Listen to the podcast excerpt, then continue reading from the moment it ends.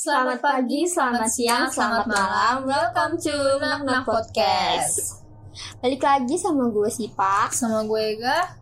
Dan di episode kali ini kita akan membahas tempat bersejarah yang ada di Indonesia. Dan tempat ini eh, daerah istimewa Yogyakarta. Nah, Kayak lu pada lu pasti pada itu nggak sih? Kayak terpikir dari Yogyakarta pasti inilah. Apa nih gitu kan? Iya, Jadi kayak eh, lagi juga kalian pasti pernah lah namanya kayak denger denger ca- eh, Ya, langsung Candi Borobudur. Tapi bukan cuma Candi Borobudur ya, pasti kita masih banyak. hmm, Mau ngomongin aja, tapi khususnya di Yogyakarta. ya, dari Yogyakarta ini Emang apa sih tentang cari eh apa sih yang mau kita bahas sih tentang jadi- Candi Borobudur? jadi tempat Candi Borobudur ini tuh dari yang kita lihat ini tuh nggak nggak berdiri kayak gini loh selama beribu-ribu tahun pasti kayak ada eh, rusaknya candi ini kayak nggak terawat lah gara-gara apa. Emang Candi Borobudur itu pertama kali dibangun itu kapan? Dan sama siapa? pada itu ya gila pada 800 masehi eh, Belum banget ya. iya. Udah sama dinasti Silendra gitu loh. Dia itu ngebangun karena buat tempat penganut agama Buddha. Jadi kan kalau di masa itu kan kayak agamanya masih kayak Buddha hidup Bunda Buddha hidup terus eh, jadi itu ngebikin itu karena ya gitu buat agama dia candi ini tuh dibangun terus Tapi gue ini loh pernah lihat lihat gitu katanya dulu tuh eh, sama kasusnya kayak tangkuban perahu. Jadi ada Roro Jonggrang ya namanya ya. Itu Hmm. buat apa sih? Gue pernah denger denger ya gitu. Jadi kayak ada Roro Jonggrang namanya cewek dia dari kerajaan apa terus dilamar sama cowok. Terus syarat buat yang oh iya syarat. syaratnya kan Heeh. Apa sih namanya bu- eh, dia tuh harus bikin seribu challenge dalam satu malam gitu kan jadi dia tuh ngebuat bikin syarat tuh yang nggak mungkin kita bisa gitu. Lu udah ketahuan itu mah, Iyalah. gue gak mau malu gitu. satu candi aja masih berapa berapa hari ya apalagi Iya. seribu candi gitu.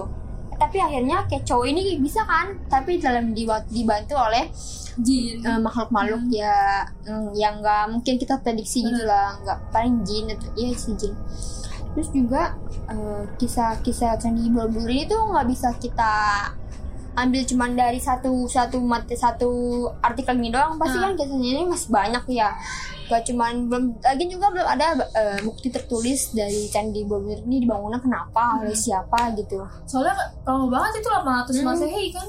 ya lu kita, kita tuh pas masanya tuh pasti gak ada media-media kayak gini Ya, nggak iya, lu seribu eh, tahun 1090 aja tuh masih HP-nya masih yang HT gitu Mm-mm, kan. jadi eh, kisah-kisah ini tuh kayak emang dipercaya gitu dari agama-agama Sejarah. sejarahnya Terus eh, menurut lu itu gak sih kayak Candi Borobudur waktu tahun 800 sampai sekarang tuh kayak gitu aja gitu kayak rapih tertata gitu. enggak ya Gi ada maksanya masa dia itu ditinggalin gitu Kenapa tuh? Nggak nggak tahu juga sih soalnya eh, belum tahu kenapa dia nggak dirawat sama ditinggalin itu kenapa tuh belum belum ada buktinya cuma waktu itu katanya ini candi ini nih eh, bener-bener ditinggalin abis itu kayak lu tau gak sih kalau candi ditinggalin tinggalin gitu pasti kayak tumbuhlah pohon-pohon atau Oh iya. kayak lumut-lumut gitu Ah. gak sih terus akhirnya nih karena candi ditinggalin tumbuhlah tuh lumut semak semak Hmm. belukar kayak lumut-lumut akhirnya nih ngira ini candi itu bukit soalnya kan juga kan terdapat di atas bukit gitu kan ya Hmm. jadi ya ngiranya itu puncak bukit dari itu bener mah enggak bener itu candi gitu Oh, oh iya, gue waktu itu pernah liat artikel, pokoknya tahun berapa ya? Seribu, eh, 1800 nggak sih? Waktu Iya. zaman zamannya penjajahan. 18 14 Iya iya iya tepatnya 18 14 Terus habis itu yang nemuin orang Inggris sekutunya dari Belanda kan. Hmm. Terus pertama kayak bener kata lu pertama diketemuin tuh dia bentuknya bukit karena kalau kita lihat dari sekarang aja tuh candi aja kan harus naik gitu kan. Dia dulu itu bukit. Oh pantesan kayak nggak ketahuan ya kalau dulu itu candi soalnya. Hmm. Ih, lu bayangin dari 800 tahun 800 sampai 1800 itu Hmm. 1000 tahun kan. 1000 tahun Heeh. satu abad berarti ya Iya iya, eh satu abad mah satu sekali satu satu tahun oh iya jadi berapa abad ya sepuluh sepuluh abad. abad Iya pantesan aja. Eh, Tapi kenapa ya? Gue penasaran kenapa ditinggalin gitu Hmm. aja sampai rusak gitu. belum tahu juga sih kenapa ditinggalin tapi eh, katanya kata tadi kan eh, orangnya sendiri kan nemuin ya terus sama dia itu dirapihin lagi tuh Hmm. ke candinya tuh kayak pohon-pohon itu ditebang-tebangin Eh, tanah-tanah yang nutupin candi Hmm. itu diguruk-gurukin gitu semak-semaknya juga ya dipotong-potong lah pokoknya sampai rapi terus habis ab- udah rapi tuh sama dia tuh dibangun lagi kayak di ya masa kayak gitu doang sih. Pasti Hmm. adalah ya yang rusak atau te- eh, candi itu jatuh-jatuh gitu pasti kayak ada kan batu-batuannya Eh, gitu. Kalau kita lihat di Google juga dulu hancur banget Iya, sih? makanya jadi ben, eh, candi ini pasti kayak ada masa dia tuh jatuh kayak Hmm, nggak terawat gitu, habis itu dibangun lagi sama jadi orang kayak yang sekarang ya. Jadi kayak sekarang kan. tapi rajin banget itu kenapa dia bisa seniat itu mau Katanya sih nih orang Indonesia tuh suka sama sejarah di Jawa, Oh. makanya dia tuh eh, nemuin tempat ini tuh karena dikasih tahu oleh siapa ya waktu itu ya? Dia dikasih nggak ada. ya pokoknya ide dia menjelajah gitu Hmm. terus nemu gitu kan kayak apa nih bukit tapi ada batu-batunya gitu berarti kalau misalnya kayak gitu kan udah kubur-kubur di tanah ya itu ribet nggak sih kayak gali-gali gitu Tapi katanya eh, candi Borobudur ini artefaknya ini emang bener-bener pernah dicuri habis itu dijual. dapat berapa tuh Nggak tahu di eh, nggak dihargain nggak tahu harganya berapa tapi kayaknya sampai mahal banget. terus dijual lah Ya karena ya buat dapet duit gitu. Ke mana gitu buat apa gitu Belum nggak tahu sih dijual kenapa tapi eh, di artikel yang gue baca ini dia artefaknya ini dicuri sama pemerintah Hindia Belanda habis itu dijual. Tapi emang pernah sempat keambil satu artefaknya Hmm. dijual karena candi sebanyak itu pasti kita kan nggak tahu ya lu mau yang mana nih yang dicuri nih pasti ya. Ada ambil satu terus gue dapet nih jual jual gitu kan. Terus eh kok sandi itu kok hilang? gitu. Oh. berarti dicuri nih. Jadi kita juga nggak bisa maksudnya kita setiap malam kelilingin candi Hmm. gitu apa itu kan luas banget ya. Jadi mungkin kalau misalnya orang ngambil itu kan nggak ketahuan ya. Jadi gitu. Tapi kalau misalnya nyuri-nyuri kayak gitu bakal ada karmanya nggak sih? Kayak sial gitu. Ya ada ya ada sih kata gue mah. Coba lu bayangin nih lu nyuri kayak eh, patung yang buat doa ya istilahnya tuh kayak patung buat doa ya patung agama Hmm. Buddha ya. Terus lu curi gitu kalau dalam bahasa itu kan karma ya pasti eh, apa yang curi pasti barang-barang berharga juga bakal Oh, hilang kan lagi itu kan candi bisa dibilang keramat nggak sih Iya, jadi keramat jadi kayak lu nyuri ya pasti eh, ada timbal balik dari dalam Ah, diri lu sendiri. akibat, ya. Eh, sebab akibat dari lu itu, dari perbuatan lu. tapi yang gue lihat juga gue nggak pernah cek candi borobudur ya tapi pernah denger cerita aja sih kayak apa ya namanya ya kalau misalnya mau naik candi itu kan ada tangga yang gede gitu kan sampai-sampai itu ada patung namanya patung singa urung kalau nggak salah deh Oh, patung eh, yang pas kita mau naik ke candi itu dia terdapat di kanan kiri tangga Iya, gitu iya, ya. yang ah, iya, iya. kayak tempatnya tuh tinggi-tinggi terus ada singa gitu Hmm. kan itu tuh katanya kalau lewat situ ya namanya ini kan kita harus jaga sikap ya Hmm. kalau misalnya di situ lu nggak sengaja atau sengaja ngomong kasar itu lu bakal katanya dimimpiin atau dihantuin sama singanya itu Berarti ya dari mitos ini kan masih belum bisa dipercaya Hmm. ya katanya juga ya? Jadi kalau misalnya lu mau percaya ya boleh, kalau mau nggak percaya juga boleh. Tapi ya intinya jaga sikap Iya jaga sikap di si di di mana pun kalian Iya. berada gitu kan nggak semua tempat tuh lu kalian harus eh, ngomong kayak gini ngomong kasar kan nggak boleh ya jaga sikap di tempat-tempat yang kalian tinggalin karena kita nggak bakal tahu akibatnya Iya. siapa tahu kan misalnya kayak ada kita lagi rombongan atau sama temen rame-rame terus naik tangga habis itu di bercandain terus ngomong kayak ah lo gitu kan udah tunggu malam-malam langsung di, di, iya. dimimpin jadi kalau lu mau naik tangga situ tuh lu udah harus diem aja naik kalau jangan Iya. jangan Fokus. fokus gitu lu nggak usah senggol senggol senggol Ah. senggol soalnya kan ya siapa tahu ada yang latah gitu Hmm. kan teman-teman kan kita nggak tahu kalau orang temen latah ngomongnya apa Iya, ya iya bener. Jadi hei ini tindak kan jadi Pokoknya- ya sikap biasa-biasa Iya. aja lah kalau mau cerita kalau boleh cerita ngobrol-ngobrol Hmm. gitu tapi ya sewajarnya gitu hmm, jaga mulut udah gede udah gede di mana bumi dijunjung di situ langit dijingjing eh bener gak sih di, di mana bumi berpijak itu langit oh iya di di mana bumi berpijak kok dijunjung gitu gimana nggak tahu lah. Terus udah. Terus juga ada nih enggak nggak cuma candi Borobudur doang tahu ada lagi. oh iya ya.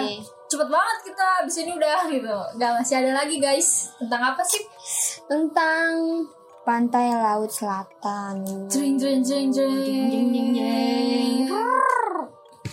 Jadi eh, kisah eh, pantai laut selatan ini banyak kisah juga banyak eh, cerita-cerita nggak cuma satu cerita doang pasti banyak lah kayak iya. di pesantren eh, begini ini di pesantren begini jadi ya kalian bisa percaya yang mana. Hmm. identiknya pantai selatan kalian pasti tahu lah. Apa itu? Apa itu? Apa itu? Nyai. Roro Kidul, Kidul lu pasti tau lah kalau kita eh, di pantai selatan ini pasti ada mitos gitu.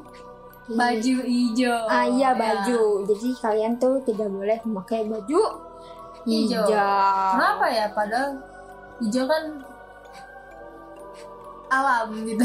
Iya hijau tuh bagus indah alam berseri. Iya. Tapi karena ya dan di sini kita juga mau nggak mau kita juga harus percaya ya. Katanya Hmm. katanya kan ada juga sih katanya cerita hmm, orangnya pakai baju hijau ini di penyekatan pasti hilang gitu aja Hmm. ini sih diculik diculik oleh penguasa Iya. laut itu ya kalian tahu lah ya? namanya Padahal pakai baju hijau doang. Mm-mm. Apa jangan-jangan dikira kayak oh ya identiknya baju hijau kan Kidul ya, Hmm. hijau emas gitu. Melambangkan kekayaan dan kekuasaan. Enggak kekuasaan sih kayak kejayaan kejayaan. Hmm. Terus kalau misalnya dikira lu pakai baju hijau, lu tuh pengikutnya gitu. Mm, jadi lu tuh kalau pakai baju itu pasti tertarik sama dia Hmm. buat jadi pengikutnya itu katanya sih mitos Tariknya itu kalau nggak digulung ombak, kamu hilang. iya jadi kayak Serem ada- sih.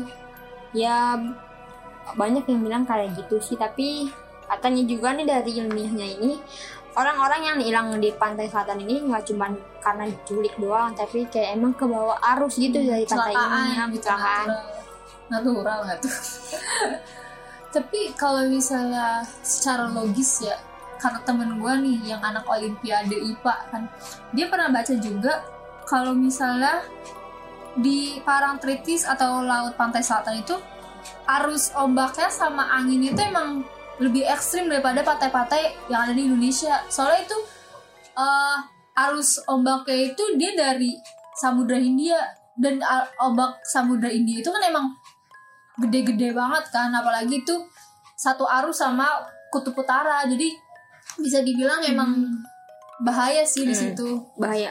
Terus lu tau gak sih nama arusnya ini? Ah nggak tahu gue tapi gue tahu Apa tuh?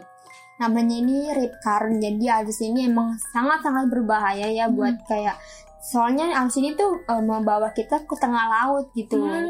Kalau biasanya kan ombak kan ngebawa ngebawa kan ke pesisir pantai ya tapi Iya. kalau dia tuh enggak ke dia ngebawa kita tuh ke tengah gitu jadi ini sangat berbahaya buat anak-anak yang di luar pengawasan orang Hmm. tua itu pasti kayak main-main air tiba-tiba ada ombak eh malah kebawa ke tengah laut gitu Hmm. jadi mitos hilangnya eh, orang di laut pantai laut selatan ini nggak melulu tentang Nyi Roro Kidul Hmm. tapi juga ada secara ilmiah gitu soalnya gue juga pernah main di ini kan uh, Pulau Seribu dia tuh di situ ombaknya kayak yang biasa-biasa aja. Kayak misalnya dari pantai terus ke sono-sono kalau kita ke bawah ombak tuh paling ya bawahnya cok dari mata kaki ke sepinggang gitu. Kalau di pantai selatan mungkin sampai tengah lautnya banget dan berarti emang ekstrim banget sih.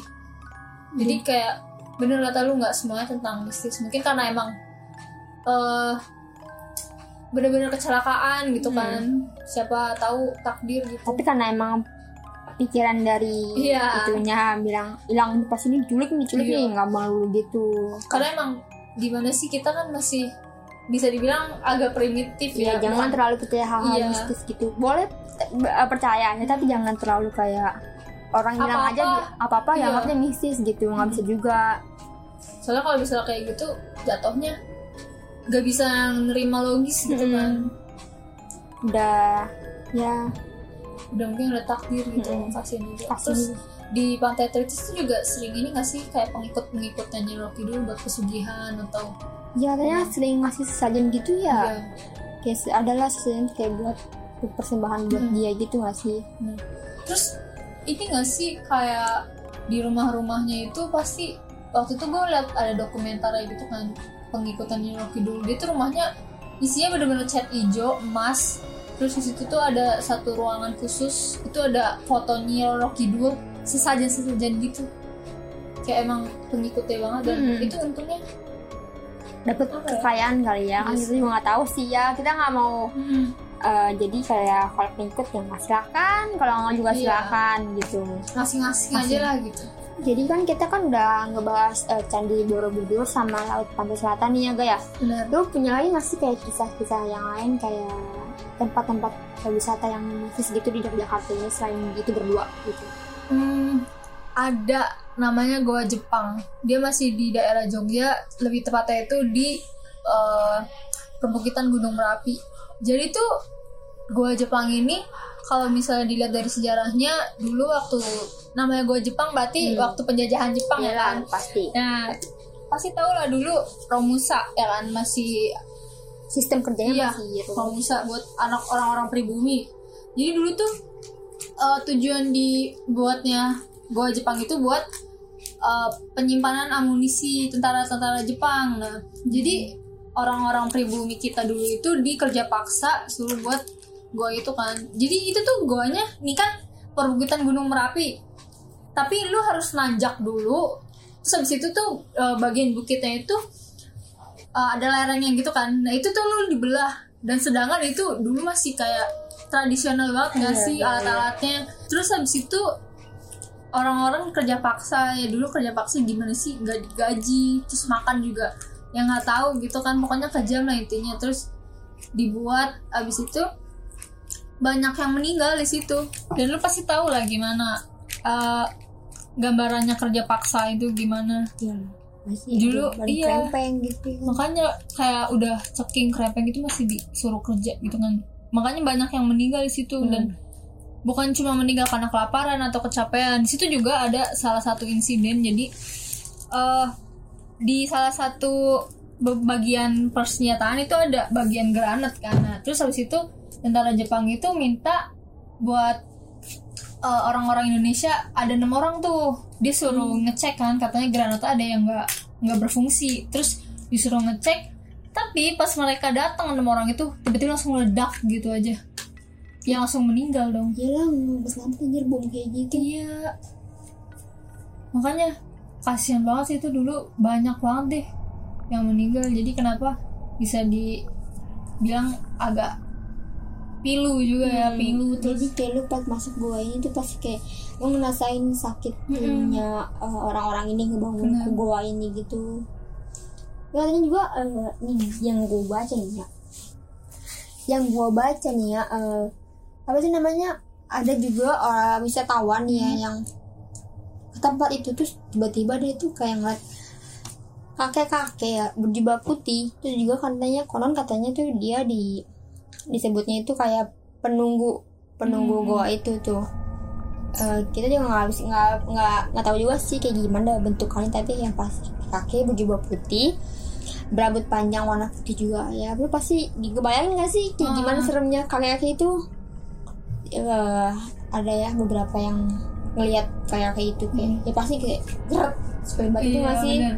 Udah gitu kan kalau misalnya lihat di Google fotonya tuh udah serem gak sih? Hmm. Terus jalur buat eh, ke goanya itu kan harus nanjak dulu terus ya gimana sih jalan pegunungan di situ nanti ketemunya di situ bener-bener disambut sama pintunya itu kan batu-batu terus suasananya serem gelap gitu kan. Goa juga dalam kan ya? Berapa meter sih? Kurang tahu ya. Kurang tahu juga sih sebenarnya yang penting eh, ya pasti katanya tuh goa tuh bener-bener dalam Iya. dalam gitu. Jadi kayak sirkulasi udara itu kayak lama, makin lama ke dalam tuh lu tuh Hmm. kayak ngap ngasih ngap Bener. hawa tuh mulai hawa panas gitu dan hawa panas itu karena apa tuh katanya sih karena makhluk-makhluk ini sih Heeh. Soalnya kalau misalnya dilihat kalau awal-awal itu perjalanan pas masuk itu kan sebenarnya gede ya itu ya diameter goanya ya. Hmm. Jadi udara- Lebar. Iya. Jadi udaranya itu masih netral, Hmm. masih sejuk. Tapi karena ada makhluk-makhluk ini tuh kayak ngebuat Hmm, ngehambat bener. gitu nggak sih? Iya. sirkulasi udara di situ tuh. Udah udah dihambat tapi itu makin ke dalam tuh kayak ya pasti makin ngap lah ya. Makin, makin sempit Hmm, juga makin kan? sempit. soalnya banyak s- apa tanaman-tanaman belukar Hmm. yang rongga-rongga. iya. Terus juga pasti ada kelawar ada kodok gitu-gitu. Soalnya makin dalam kan belum tentu makin dirawat ya kan terus eh, lu tahu gak sih yang katanya yang bisa tawan? Nih kan katanya kan kalau gua itu kan tetap jam 8 mal eh jam 3 sore ya? Jam- oh iya jam 3 harus sudah ditutup. Nah terus? ada itu ya G tiga bisa tawan. Hmm, eh, yang dia tuh datang tuh malah pas lagi ditutup udah ditutup. Oh. Terus akhirnya hilang. Sumpah iya sih. Kenapa maksudnya kenapa juga tujuannya ditutup jam segitu ya? Hmm. pasti itu kan udah sore ya ya kan? udah mau menjelangnya kayak Hmm. malam lah udah maghrib mau maghrib terus ditutup. Eh lu malah datang jam segitu. Ya akhirnya dia nggak balik. Hilang. Iya. terus ditemuin lagi jam 8 malam. Oh tapi hari itu juga? Hmm, nanti juga. Tapi kita nggak bakal dia trauma gak sih kalau pasti kan kalau orang hilang ya? Ditanya-tanyain kayak lu ngeliat apa di dalam? Lu ke mana? Lu hilang Hmm. ke mana? gitu. Tapi kayak dia ini kayak nggak mau cerita gitu. Ya trauma lah trauma mendalam. Gitu Hmm, kali kayak ya. orang bingung kayak orang bingung aduh gue di mana ini? Tiba-tiba ket- ketemu lah sama eh, yang dicari-cari gitu Hmm. jam 8 malam. Ini serem gak sih? Maksudnya lu kalau lihat fotonya siang-siang aja tuh gelap gitu ya apalagi malam-malam. Terus di gua itu tuh bercabang-cabang gitu kan jadi kalau misalnya tanpa pemandu itu tuh bakal susah nah, nggak sih? susah-susah. Kan nggak cuma satu gua ada empat gua iya. juga. Itu berani banget itu. Hilang itu pengalaman seumur hidup dia nggak mau sendiri lagi dia nggak bakal mau lagi deh sih iya.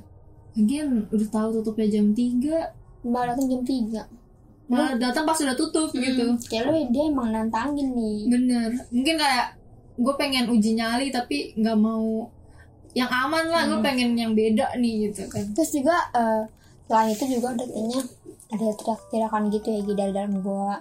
Silakan. oh pasti ya ya gitu. pasti ya. Kan kisah pilu mereka kan Bener. pasti eh, sakit juga ya. Terus juga pernah ada yang ada suara teriakan misterius gitu dari dalam Hmm. gua ya pasti ya mereka lah. Bener. kalau misalnya masuk situ juga bisa yang dirasain tuh bukan cuma takut serem gitu nggak sih? Kayak ngerasa kalau udah Sedih. suara-suara teriakan gitu kayak ya ampun kasihan banget ya kita bisa tahu rasanya orang-orang dulu tuh gimana kerja paksa gitu. Kayak nyiksa banget sih. Jadi ya gitu deh antara takut tapi kasihan gitu kan jadi itu beberapa tempat-tempat eh, wisata yang mistis yang ada di Yogyakarta sebenarnya masih ada ya ga banyak iya banyak masih tapi kita cuman kayak kita rangkum lagi cuman tiga doang yang kayak Hmm. tempatnya ini kayak bener-bener ya banyak dikenal sama Iya. wisatawan Hmm. Jadi ya kali ini kita cuma bahasnya tiga itu doang ya. Tapi nanti pasti selanjut selanjutnya kita bakal bahas-bahas yang lain sih. banyak Banyak lah sih, banyak pembahasan menarik yang bakal kita ngomongin di podcast Hmm. ini. Tungguin aja. Terus tetap stay tune di podcast Nak Nak. Kita bakal upload setiap bulan, lebih tepatnya minggu kedua sama minggu keempat. Nah, Hmm. berarti nanti kita upload jadi eh, episode episode ke depannya lagi kita akan upload pada tanggal 24 ya tetap di malam Jumat kliwon ya enggak? enggak lah enggak harus keliwat Iya. Jadi ya intinya setiap bulan tapi minggu kedua sampai minggu keempat Iya, ingetin aja setiap hari Jumat. denger hari Jumat malam pasti kita bakal upload tuh malam-malam Bu. kalian dengerinnya Iya. malam-malam aduh Tapi ya nggak malam-malam juga sih. Nggak nentu ya sebenarnya. Tapi ya karena ini horor jadi ya lebih menantang tuh malam-malam malam. gak sih Iya benar. kayak merinding gitu sih Benar iya. Jadi ya gitu tetap kalau mau kepoin IG kita follow aja nak nak podcast atau nak underscore ak dan Spotify nak nak podcast Anchor nak nak podcast. Udah. Udah.